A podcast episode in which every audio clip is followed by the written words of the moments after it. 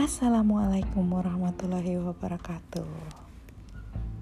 Halo teman-teman,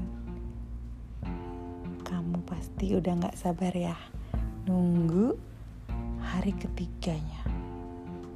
Hari ketiganya ada cerita yang seru banget. Pokoknya ini menyangkut dengan siapa? Ya, Abraha, the rule of Yemen. Nah, di hari yang ketiga ini, Amah nanti akan memberikan kuis. Uh, seru sekali kuis. Nah, didengarkan baik-baik ya. Hari ketiga ini ada kejadian apa? Amah bacakan judulnya ya. Day 3 the owner of the Kaaba. Listen carefully.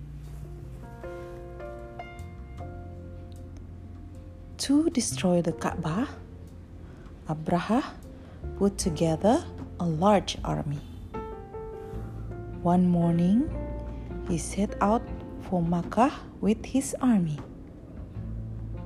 In Abraha's army, there were giant elephants he had ordered from faraway places, and the like of which Meccans had never seen in their lives.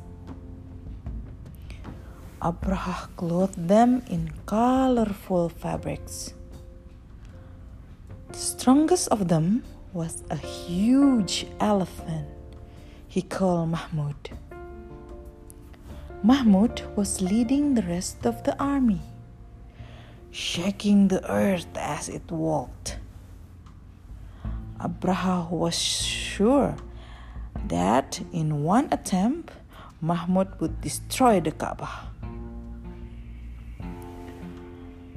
When the army approached Mecca, a group of soldiers seized the belongings of the Meccans. Among the properties plundered by Abraha's soldiers were 200 camels belonging to Abdul Muttalib. You guys know Abdul Muttalib is right. From a nearby hillside, they were able to see the Kaaba like shiny diamond. Before entering the city, Abraha wanted to see the leader of Mecca. For this reason, he sent for Abdul Muttalib. He told him that he had come only to destroy the Kaaba. And if no one over resistant, no bloodshed would take place. Later, he asked him if he wanted anything from him. Abdul Muttalib replied, Your shoulder grabbed 200 of my camels. I want them to be returned to me. Abraha was surprised at this response. He said, Um, I would have expected you to ask me to not destroy the Kaaba, but I see now that you are only after your own camels. I had really thought highly of you. I realized now that I was mistaken about your character as a respected ruler.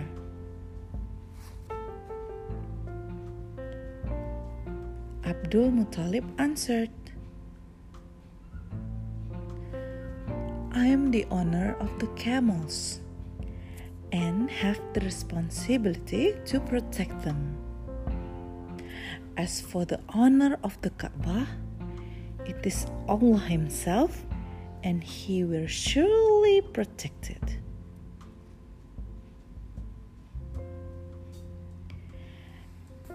At this answer, Abraha went into a rage. He screamed, He will not be able to defend it against me.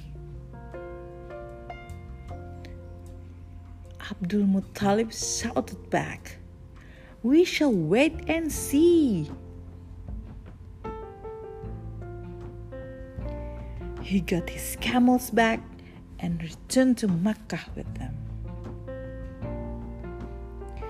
Going straight to the Kaaba, and he prayed. My Lord, your servant protected his own property.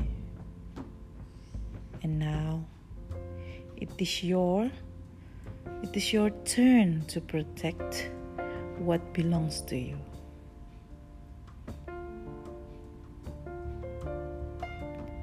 After this, he told the people of Makkah to leave the city, and he himself left with them and climbed a hill to have a bird's eye view of Mecca. They could follow all that would happen from there.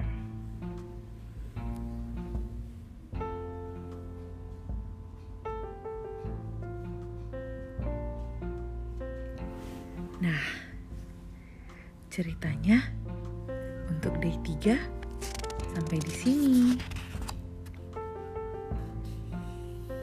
Kita sampai pada kuis ya. Ama akan menanyakan siapa